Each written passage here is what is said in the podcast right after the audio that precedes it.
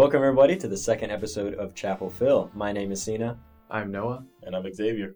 and today we're talking about supremacy and its growth across the world. Specifically, white supremacy. Or the false belief of white supremacy. because everyone's more alike than we're all different, um, than we are different. So I think that's the most important thing to reiterate. Yep.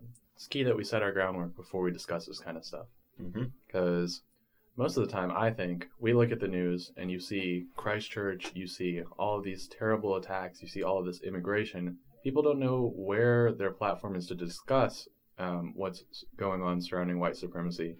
They're more likely to just look at it and form an opinion for themselves, which can be dangerous because there are some people out there that will consider validating um, these ideas. Um, but today we're going to discuss how that happens and why um, it looks as if in an advanced world it's coming back to be popular. Right, so we're going to look across the globe at specific instances of this supremacy coming up. Uh, we're going to ask ourselves why this might be happening, and then we'll get into a little philosophical conversation about the justifications for this type of speech. So, Xavier, do you want to give us a little bit of history behind supremacy and its origin? Alrighty, so this goes way back. Um, I really started the first research racism um, as an African American male in high school, and I encountered a couple people through years of just going through the educational system here in America, the public education system.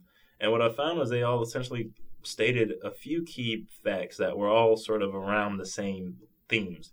And those were that um, racism was accepted by the scientific community, um, that people who supported racism weren't necessarily the most morally, I guess you can say, um, they weren't the most respectable moral agents. Um, and really, most of racism is essentially used as a social construct to essentially manipulate people and to use power to divide and conquer, essentially.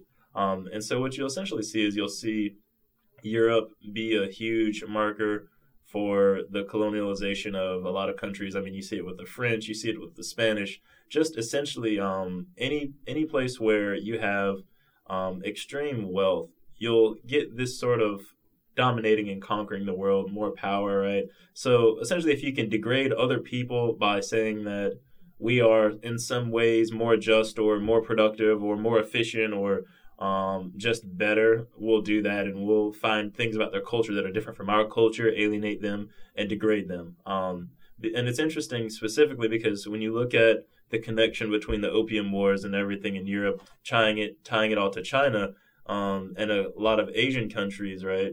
People originally thought, you know, in the European circle that these people were more white than us. We we are actually darker than them, so they're really the white people. And I mean, look, they have all the money. Look at the Silk Road. Look at all these economic things that they have.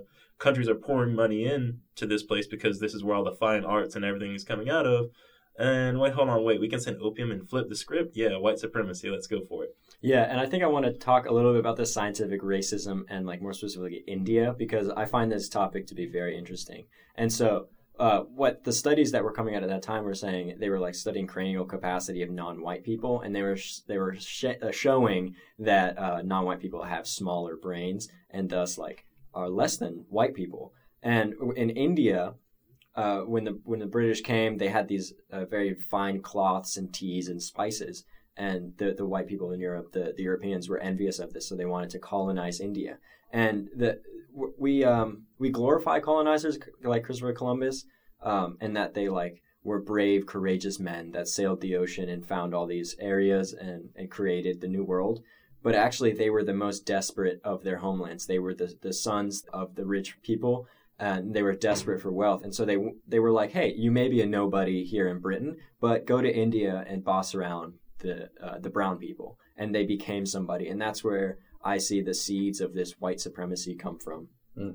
So, what both of you are kind of echoing is this idea that um, socially constructed um, supremacy is based in this idea of protectionism for one cultural group that seeks to consolidate wealth among their group um, and then keep it from spreading by saying that we're better, we're smarter, we're whatever, and then backing that, whether it be by pseudoscience or by economic advancement in China or wherever you may happen to be.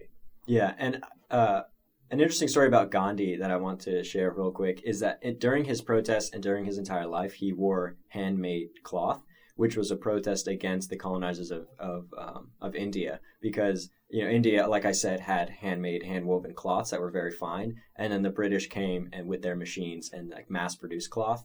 But then Gandhi, as a form of protest, wore the handwoven cloth, which I think is very cool. You can't take what people tell you as just fact. You have to question and have to truly observe it because regardless of who we're talking about, everyone, no one deserves to just be unjustly supported or glorified.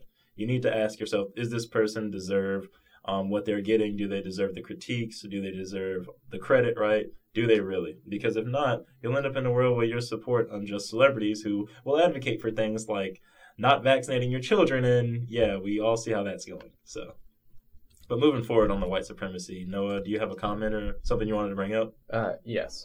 Um, so I would just like to take us for a moment. Uh, we started way back um, during the colonization of countries, and now pretty much everywhere has been colonized, redistributed. Uh, people move all around, um, but we still see supremacy everywhere. So I want to talk just real quick and get us caught up with the present. Um, so if we start back at 1900, we move our way through the first couple of world wars. The second one, I think most everyone can realize, is a war of supremacy um, waged from the Nazis and also waged somewhat um, on the part of the Japanese, who believed that they were very noble um, and had a, a, lot of other cultural, um, not necessarily as superiority complex um, ideas as the Germans, but also this sense of cultural um, purity. Uh, you move on up, you see it cleanse through Russia um, as their leaders in communism uh, seek to press out everyone that is not uh, completely Russian. Um, and these ideas are really just crazy because, I mean, some of the leaders of Russia have been Georgian, have been these other ethnic countries. Um, so what separates these people is not so much hard factors, but just lines that we draw in the sand culturally. Uh, anyways, to jump to today, we have mainly the Christchurch attack. We have mainly the white supremacist attacks that have happened, um, the xenophobic attacks that have happened, uh, the Pulse nightclub shooting. All of these are different examples of extremism that are still occurring today in a mixed world. I think um, Sina was doing a project and, and he told me about how um, African Americans went off to fight in World War One and how they came back, but they didn't even have the rights that they were fighting for for other people. Um, I think that's terribly, terribly disastrous, and it's a shame. It's absolutely despicable and disgusting to me, especially as an African American male, knowing that I would have been sent off to do that, to come back, to have you know, to not be an equal person in this room right here. It's just, it's just not right. I think social cohesion is an important uh, point of all of this because like there's like this kind of soft nationalism that is across the globe especially in america. We got the american flag everywhere. We say the anthem in school. Uh, we're told like america's the best country on earth. And that that pride that that manifests as as it manifests in us kind of brings us to work harder for our country sometimes even sacrifice our lives to fight for it. And so when we look across you know we can take away these extreme examples and we can say like maybe this soft nationalism is good for a country because it promotes like productivity yeah, I think that American exceptionalism is probably a healthy idea in some aspects, but then you get to who is American? And when you ask that question, I mean, it should be pretty general. Like everyone that's here that is a citizen is an American. If you work and you do good for the country, you're furthering uh, America's prosperity, you're an American.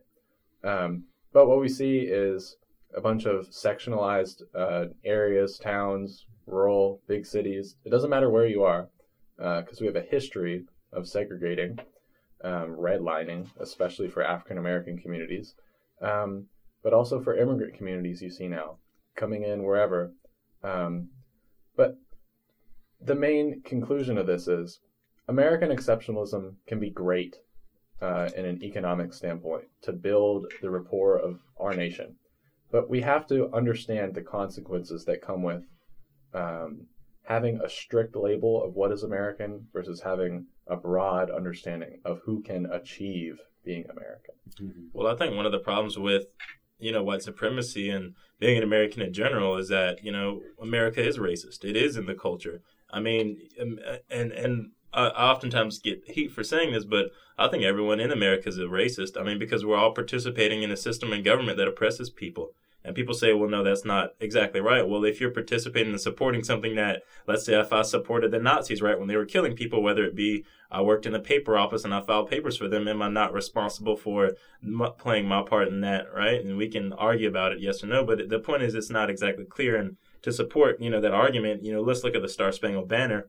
Um, many of you have sung it. I've sung it as an African American. It's rather disgusting because the person who wrote it the author, um, Key was an aristocrat, and I'm reading this directly from the webpage, which we'll have up. It says he will he was like most enlightened men. He was like most enlightened men at the time. Not against slavery, he just thought that since blacks are mentally inferior, masters should treat them with more Christian kindness. So yeah, in the very fabric of our songs in our history, we have racism and white supremacy. So the question isn't why is white supremacy still here. The, the question is why are we why are we supporting terrorism? Why are we tolerating terrorism?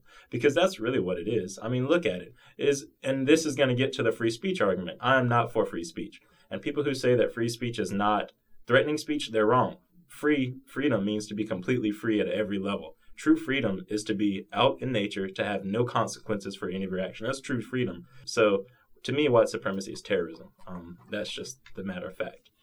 I will disagree strongly with you on the idea that free speech is something that um, usurps other rights, like rights to security. Because, as someone like Thomas Hobbes would say, in order to have a society that functions and works today, what you need is security. What free speech is, is just an extenuation. This is my opinion.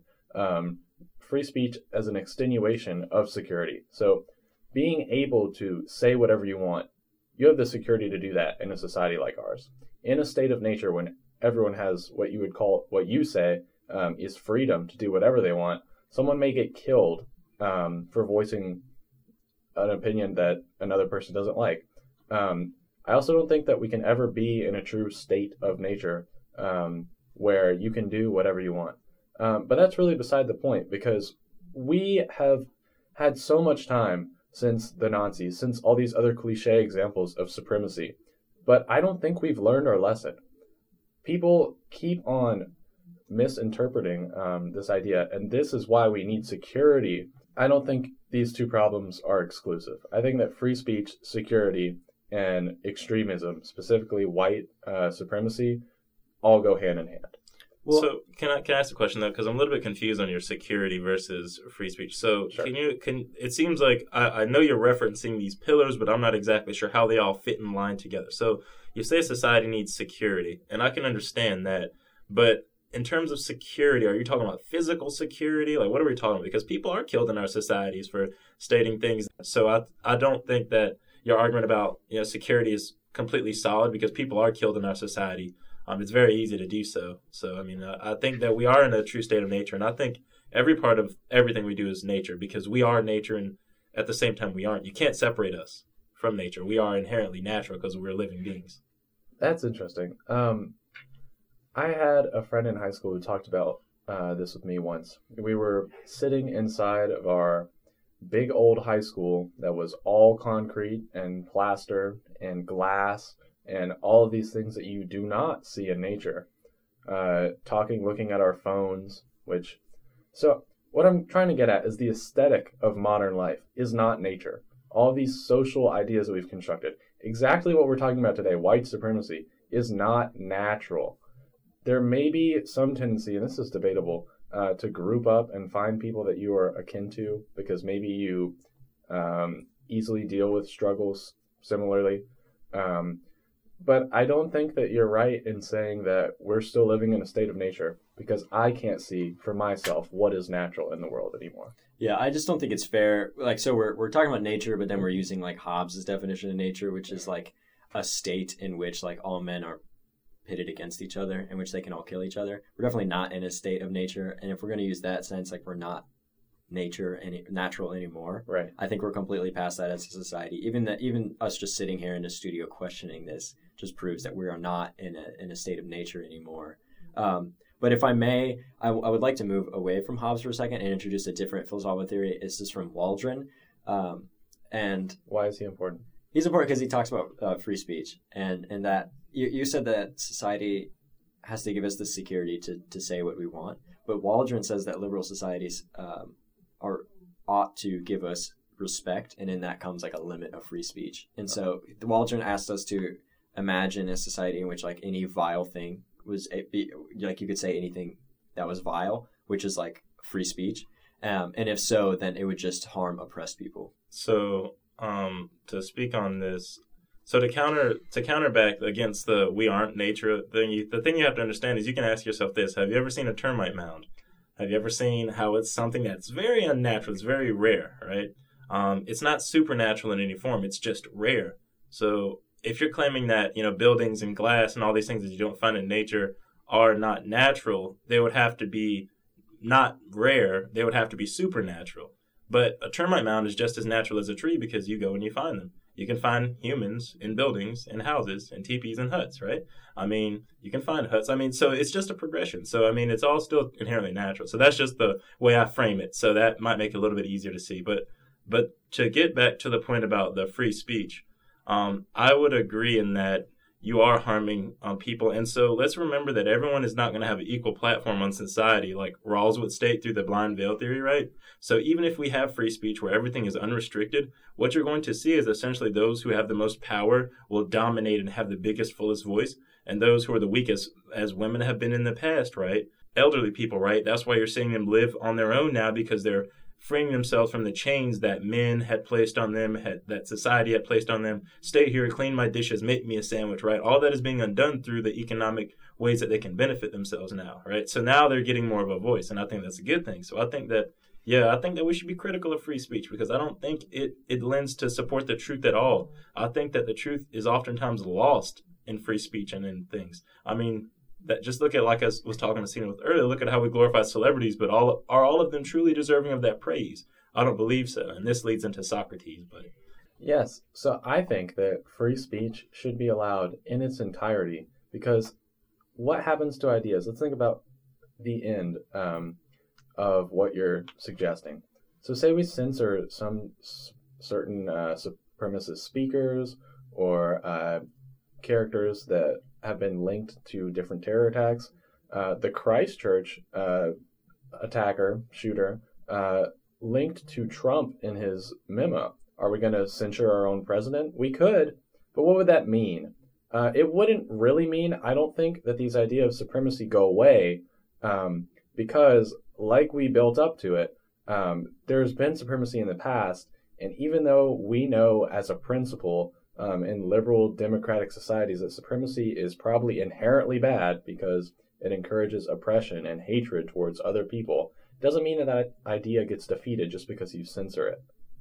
I think that you're false in that because I mean look at the Native American history in America. They those people have been basically erased and where are they now? Most of them are I mean, they're they're gone, and there's there's hardly anyone to fight for them. They they aren't getting paid for the destruction that people have caused them in the past. They're just forgotten and wiped off the map. So I mean, that's a reality, and that's a reality that's been that has been there for too many cultures and too many societies that have been colonized. So I think to completely erase something is to break it down and to get a, get rid of it, right? Like the Silent Sam statue being gone, it doesn't completely erase the history, but it's not there anymore. But my, my point is that by not censoring it, you're giving it a platform. Um, and it may not pr- particularly defeat it in its integrity, but we can. But I don't believe that a um, liberal society should be tolerable, should give tolerance to things such as white supremacy. Because if you look at statistics from the amount of people who are um, against, let's just say, gender equality, and just kind of keep it general, the Trump being president has shaken up America. Now we're a little bit more intolerant of other people for things that they can't help. But you can help your ideas. You can read. I don't facts. think you can state that as a fact. You It- can see certain specific radical groups maybe getting more radical, but I don't think you can say on a whole you understand everyone's opinion and everyone's opinion has shifted on gender equality generally to I- be less intolerant. I didn't say everyone. I can say I can say that America as a whole is more against equality between men and women after Trump's presidency than before, and I can find these specific data to prove it. And if I can't, then I'm wrong. Then I'll take that bullet. But moving forward, And I think this was uh, one of the like big objections to free speech on Mill was that like, well, the people, if you just give everyone an equal platform, the people that are the loudest are going to win. And so for X's example, yeah, people that are anti whatever, anti non-white may be louder now because Trump is giving them a platform, and that just is one of the effects of free speech. And so, like, maybe that's not true that more people are racist or xenophobic. It's just that like they're louder because they have a platform. Yeah, and I think that I mean, being an African American male, it definitely this is a really hot topic for me, and it's a really sensitive topic for me. But I think that people don't really understand that in my world, there's always that key because they know the exact word to say to me. They know what they have to look at me and say in order to stir me up. And and it's it's it's different because like when you're a white or when you're just like a regular dude, you can just blend into society. And well, I mean, what are they going to say to you, right? You look mostly like everybody else. You probably are just mostly like everybody else. You, there's nothing that you can really be targeted on. I mean, if you're just an average person, but when you're a person of color or a minority, the society well, my experience in America specifically has been that my country doesn't want me here. I mean, you can just read history and see that. I mean, they lynched black people every week. I mean, it's it's it's absolutely atrocious. So why would you allow freedom of speech when these things have happened in the past? It's absolutely monstrous to think about that. I mean, it because it's I don't know. To me, it just seems unjustifiable because I can't I can't say that everyone should have a right to say whatever they want and then understand full well in my conscience that this is allowing someone to completely degrade, disrespect, and psychologically harm and damage someone to the extent that it is done to people. People kill themselves over words. So I can't justify and stand for that. Right. And I know that comes from a place of personal experience, and I understand that a lot of people feel that way. But I would like to speak on the idealism that good ideas, in the end, will defeat bad ideas. We just have to get to that point. And I think that's why this is so important to talk about because we understand in this room that supremacy is not okay. We understand that it is bad for a variety of moral, um, ethical, and just what we would consider to be logical reasons. But some other people don't feel that way. And if you don't give people with good ideas the chance to challenge individuals with bad ideas, then I think that outside of the system, outside of whatever legal way they listen to people, they may hear these bad ideas and then latch onto them. Because it does uh, link to power if you're um, a white individual and you haven't heard anything like this before. And you hear oh because of your race you are superior you. What kind of influence would that have as opposed to looking on twitter today and seeing um, a strong african american activist? It doesn't matter the race of the activist but someone saying no, this is wrong. Look at all these things across history that have been terrible. Look at the things, look at the way things are now. This is bad. So I think this is exactly precisely why uh, we need to talk about and figure out how to maintain the most freedom of speech uh, while reducing this increase that we're seeing in supremacy. And perhaps that's supremacy is happening because of other factors. Right, and I think that's Waldron's specific point is like free speech is fine, but hate speech is what crosses the line. And um, like he's Waldron is pretty much saying like in a will in a society that like people should be able to like do what they want without having to face like violence or hostility or discrimination. And I think that's like where him and maybe Mill uh, disagree, where it's like maybe you shouldn't be protected from speech that might discriminate you because how do you know the truth? I think yeah, the truth exactly perfect. So this is my thing. So I think that I think that the truth is probably the thing that we're most concerned about here. I mean, no one really complains that we don't teach about the wrong versions of the Pythagorean theorem. We just want the Pythagorean theorem because it's right. So what's to say we can't do the same thing with words, right? I mean, why is it okay to say that I'm genetically superior to someone else when that's completely false. I mean, and so I understand your point about the media and, and people can see different information, but the matter of fact is people don't look at information that's different from what they're naturally going to want to believe. They're going to look at things that reaffirm what they naturally believe. And this is how you get to where we are in society today with politics. It's so polarized because no one wants to see anyone else's side. But all we will be doing by limiting freedom of speech is allowing our society to see the right side of things. And we can argue about, okay, well, how do we determine the right side of things? But I don't. I think that kind of falls outside of the um, free speech debate because I think that I mean I would side for Socrates in that certain things in the society that happen are wrong and they're just there's no value to it, right? So like basically what I'm stating is that I think justice is objective and I don't think we've essentially found all the keys. But you can look at monkey monkey groups and see how they interact with each other. If they kill something together, they're supposed to split it. And when they break the rules, at least some party is always upset. There's some norm, some system here that's universal. Um, and these studies show that. And I think that we would be doing people a service by showing them true facts and eliminating false facts. It's just how we do math, right? We teach them that two plus two is equal to four. That's a fact. It's always going to be a fact. White superiority, white superiority is just a baloney statement that's wrong, and it will always be wrong. So I don't see why we can't just wipe it off the board. All right. See, I'm with you in trying to seek out these truths and professing them as the truth. I think we can find some common ground here. Um, where I think we disagree is on the idea that certain social factors can be argued as facts. Because what I see as a fear is the government um, preaching out ideologies that may be well intentioned, but actually just reinforce the oppression and the um, invisibility of other people's sufferings. So if we pronounce everyone to be equal, um, if we say uh, black children and white children are equal, that may be great to grow up our children that way. There are certain perspectives that and social issues that I think the government should not uh, wade into, especially in education of young children. Yeah, and on this like point of of like black and white, I found this prevalent also in, in some of my classes and in Martin Luther King's philosophy, where do we want people to be colorblind in that like we treat everyone equal, or do we want to appreciate the history and the culture of different minority groups? Uh, and I think that's an important question to ask because you know it may be easier for everyone to be colorblind, but also like it might be more right for people to appreciate different cultures and perspectives.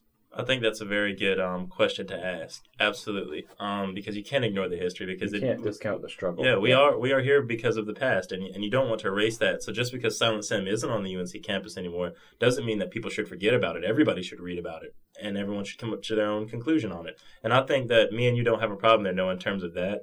But I guess to articulate my point, or to even give your argument more strength, what you could say is look at all the situations where countries don't have free speech. So like look at Putin and what he's doing with the internet and all those things and how that's going to turn out. Because if you're going to give the government the power to say, well, this is not something you can say and this is something that you can say, what to when will that right. stop? How do they determine what's and that's where we get to unjust positions, right? And we get situations in like the Middle East where women can't go out and drive or they have to have the man's permission to do certain things, right? Like or just that sort of scheme, not to like, you know, get on the Middle East or say that all their culture is bad or anything specific. Just I'm just pointing at specific things there, right? That we all can say, well, we probably wouldn't want that over here, right? But like, um, oh, this is not good because Western culture is also terrible in a lot of ways. But we'll get on that too, right? But um, but yeah. So even it, so, let's just agree that freedom of speech is bad or whatever, just for the moment, and let's say and let's say that okay, we limit it, right?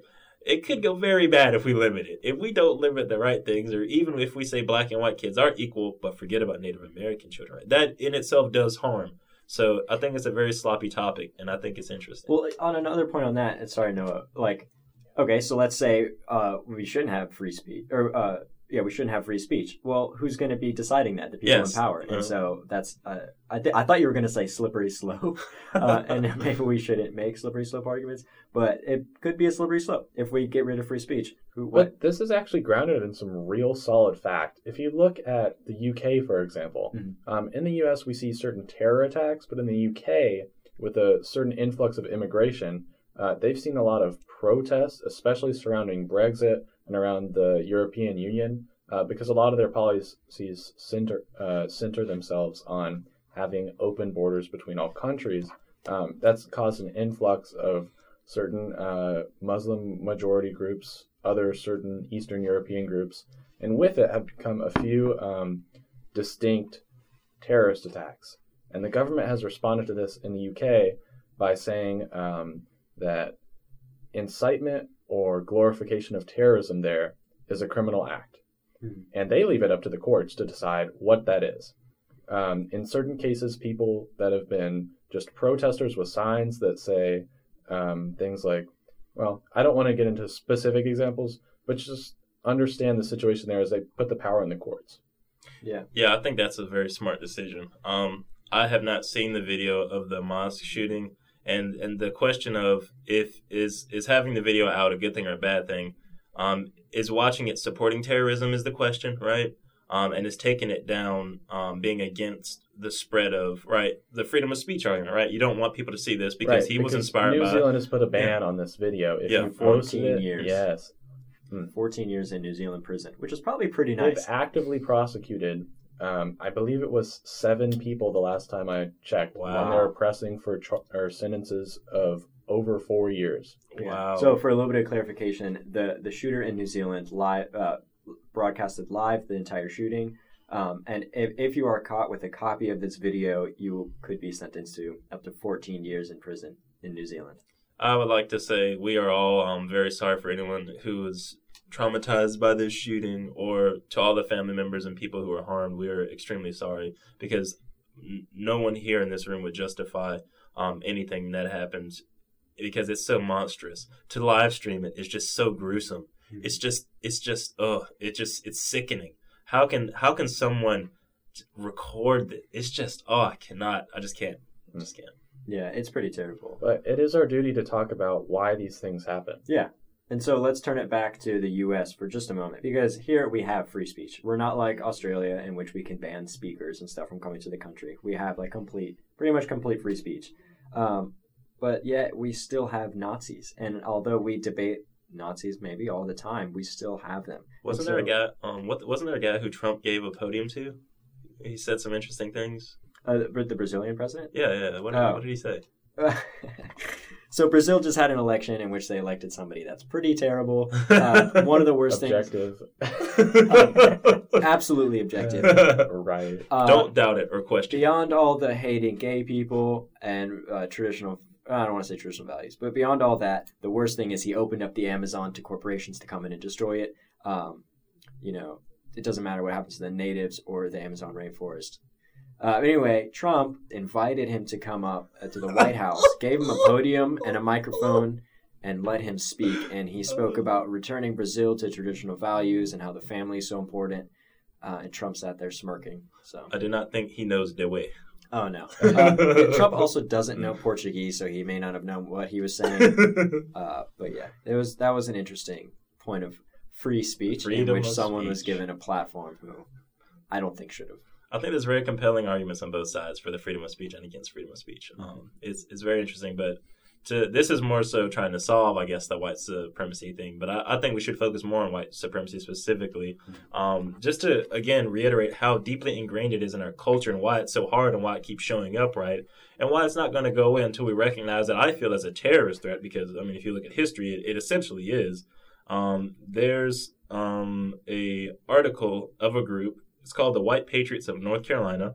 You can all research this yourself.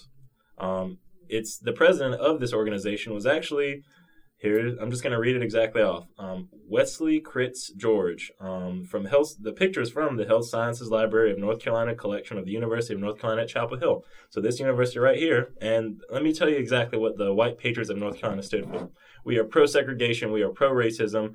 Blacks and whites should not go to school together. We are sending cards to your door with these exact steps on them. Help us support this and keep our schools segregated. Um, yeah, we'll take money, of course. Yeah. So the a guy who worked here, who was the head of a department, supported this. Um, yeah. So so why is white supremacy here? Because we're not acknowledging it or we're not erasing it from the fabric of our society. We're still arguing over whether Silent Sam should be on campus. Right. So is the answer to limit free speech in that instance? Um, I think that I think that Mill would say because of the free speech, we were able to conclude that this is not the right way because in an oppressed system, people who are oppressed will not obviously have the power to speak up and argue against that. But I don't know. I don't think that's I don't think that's right. I think that regardless, Mill is false to assume that we need freedom of speech to to find the truth. I don't think that you need freedom of speech to find the truth. I don't think you need. I don't think freedom exactly means what we want it to mean all the time. I think not all freedom is necessarily useful, right? Like if if you've been restricted in society, but you're happy with the way your life is, and I mean you wouldn't have things any other way. I think that having the freedom to do everything is essentially, I mean, useless. So I think that the truth will prevail in certain situations if we're looking for it. Um, I think freedom of speech is something that's it, it encompasses the bubble of truth, but it's way bigger than the bubble of truth. But really, the truth is the only thing that's inherently valuable. I guess to capitalize on the um the white patriots of America because I, I can't I can't make this a big enough point. Um, they fought for the purity and culture of the white race and the Anglo-Saxon institutions, but they supported um friendly race relations along by saying um that members urged white North Carolinians not to let the Negro destroy the white race. So yeah, you can kind of learn the the history of it really fast, and and it and it's it's interesting how North Carolina would. I I don't I don't know their sp- particular stance on this thing, right? And I'm not trying to attack my university because I love it. Um, and the faculty here have been nothing but helpful to me.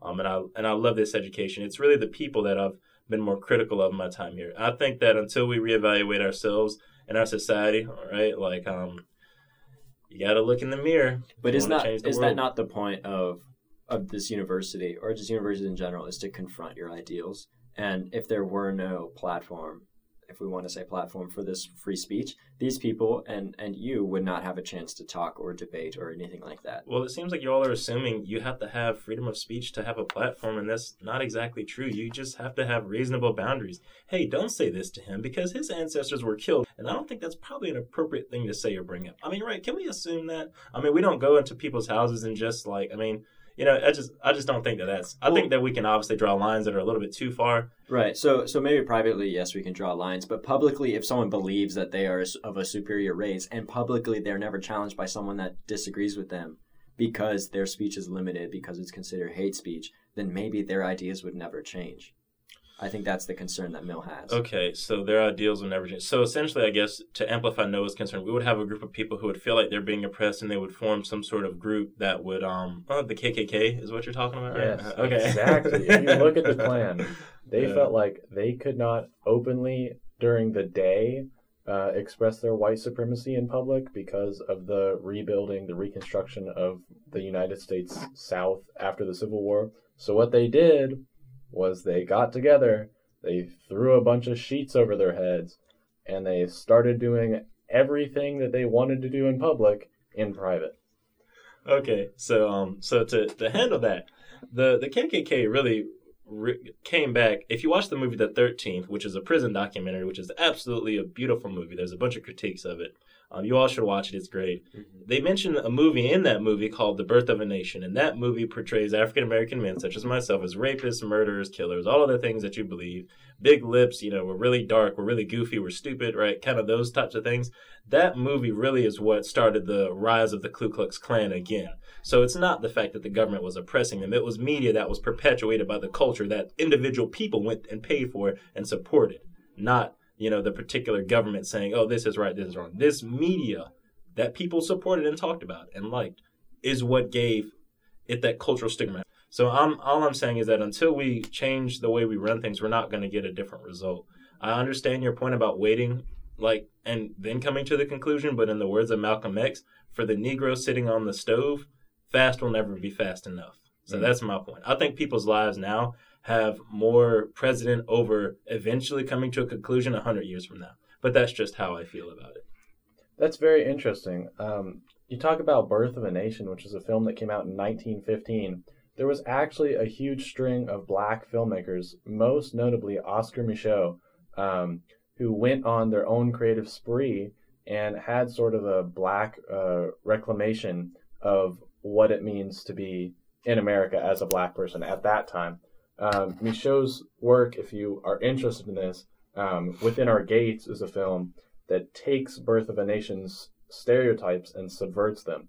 But even though Micheaux was able to come to that conclusion and publicize it uh, throughout the black community, it doesn't mean that now, today, um, those ideas from Birth of a Nation are gone. This is the same point that you're making. I'm just backing it up um, through art.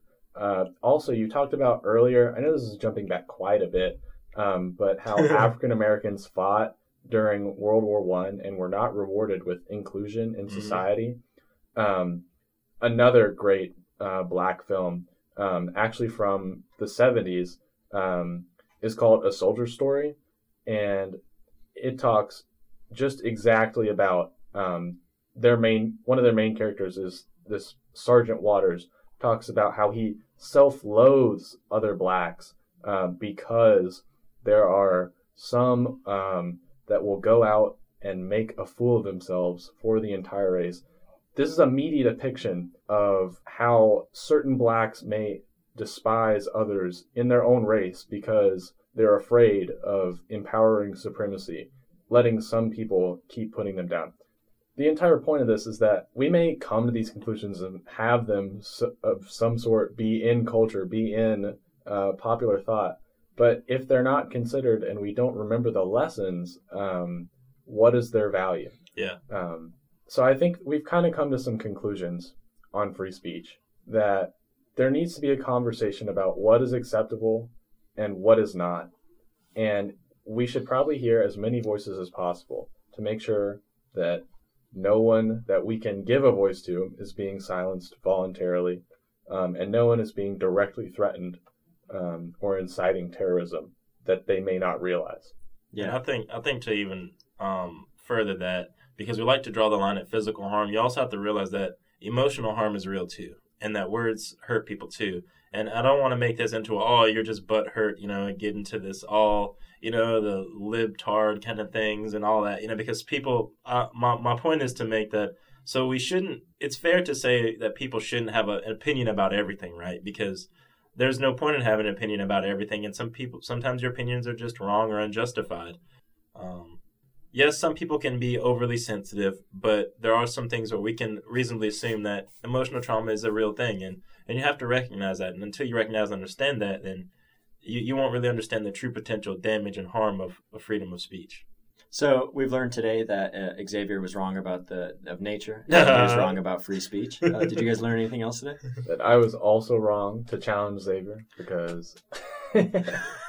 No, no, no. I, have I've, it's been interesting. I've, this conversation has been very stimulating for me as well. I've, I've heard a lot of things that have put me on edge and on guard, not in a bad way, in a good way. I've had a lot of my beliefs and, th- and things challenged, so it's, it's been pretty good. Um, yeah. Well, so all around, white supremacy is a no for me, dog. In conclusion, today we've talked mostly about the social consequences of white supremacy and talked about how it perpetuates itself in the social sphere. This has been Noah, Sina, and Xavier. Thank you for listening.